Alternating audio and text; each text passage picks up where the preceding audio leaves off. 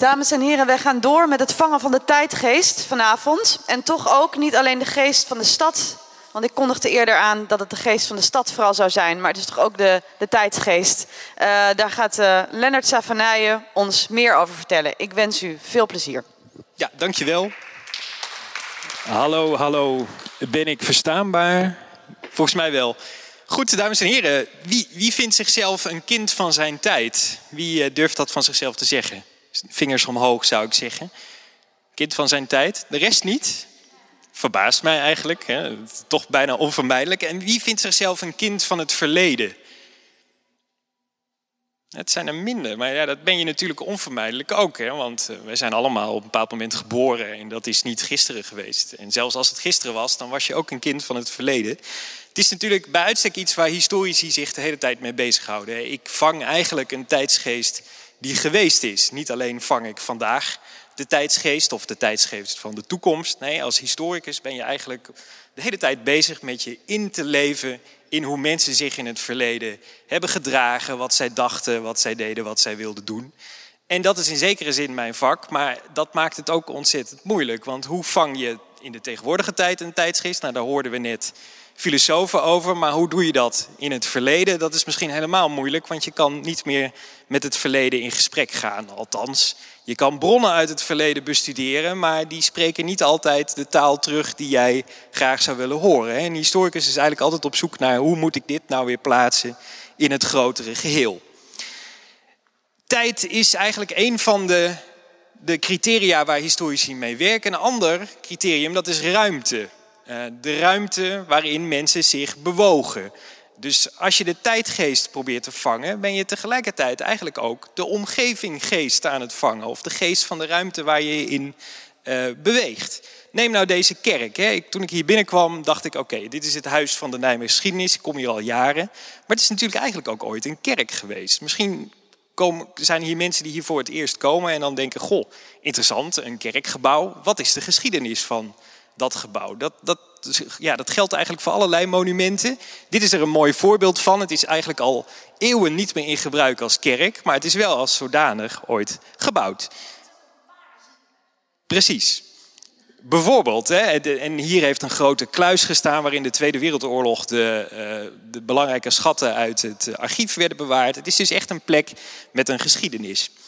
En toen ik dus dacht aan, oké, de tijdgeest vangen, maar ook de geest vangen van de ruimte. En ik ben historicus uit Nijmegen, dus eh, het is ook de Nijmeegse kunstnacht. Ik loop rond door Nijmegen. Toen dacht ik ook van, nou is er ergens ook een plek die niet alleen de tijdgeest vangt, maar ook de omgevingsgeest, de stadsgeest. Hè? Want we zijn tenslotte hier in Nijmegen.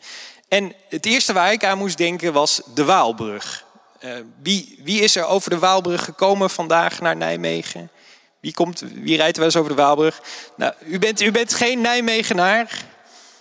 Nou, als u een Nijmegenaar geweest was, had u vast een gevoel van heimwee gehad. Want eh, het is een soort van cliché wat in Nijmegen breed gedeeld is. Als je over de Waalbrug Nijmegen binnenrijdt, dan voel je iets van binnen. een soort van emotie. Als je de stad ziet liggen, je bent thuis. Eh, dat is eigenlijk iets wat de Waalbrug doet met mensen. En bijvoorbeeld Frank Boeien, die, die bezingt ook de Waalbrug op die manier.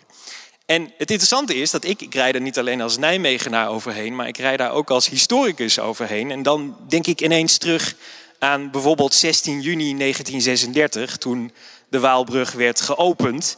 Toen de koningin over de Waalbrug liep als eerste. Zij mocht als eerste oversteken. En precies op het midden van de Waalbrug werd onthaald door de toenmalige burgemeester.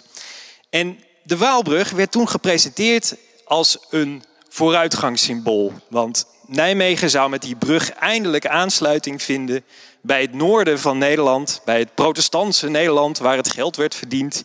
Maar tegelijkertijd zouden zij dan ook naar Nijmegen kunnen komen, de Bourgondische stad die eigenlijk op de grens van het noorden en van het zuiden ligt. Dus u merkt het al, aan die Waalbrug werden allerlei dingen toegedicht. Het was niet zomaar een bouwwerk, nee, het was een brug met een betekenis. Dat is het ook geweest tijdens bijvoorbeeld de Tweede Wereldoorlog. Uh, dit is onlangs, dit weekend is het nog herdacht dat uh, de brug bij Arnhem niet, maar de brug bij Nijmegen wel werd veroverd.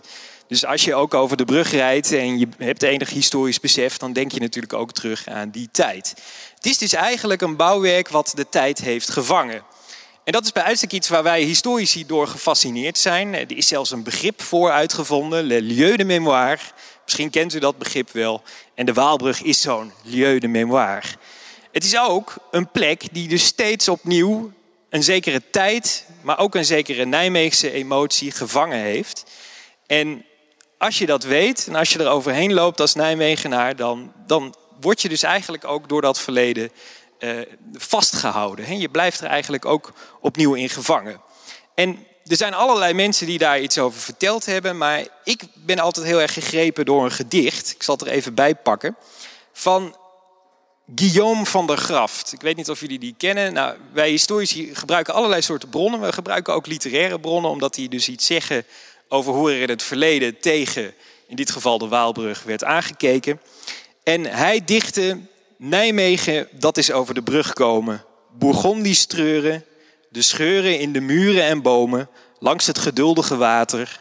De straten die rezen en daalden, alsof de stad ademhaalde. Nou, voor mij is dat over de brug komen heel Nijmeegs. En daar wil ik het graag bij laten.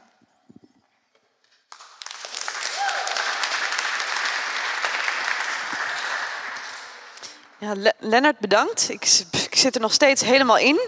Um, ben, ben, jij ook over de brug vandaag eh, gekomen? Ik ben, de spoorbrug? Nou, die andere, de spoorbrug, dat is een heel andere ervaring, kan ik vertellen. En, um, Prozaïscher, ja. Dat, maar ik heb nu wel heel erg veel zin om een keer over de Waalbrug te komen. Want ik ben, in dat, ik ben er één keer per ongeluk overheen gegaan. Toen had ik de verkeerde bus, toen eindigde ik in Lent. Want ik, ik kom, ben niet, kom, niet van hier. Dus toen ben ik wel terug, maar toen heb ik niet opgelet. En verder ben ik wel eens eronder geweest. Maar ik zal nu een keer dit proberen te doorvoelen. Dankjewel.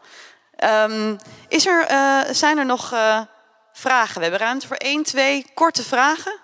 Het is een heel snappy programma vanavond. Maar zo niet.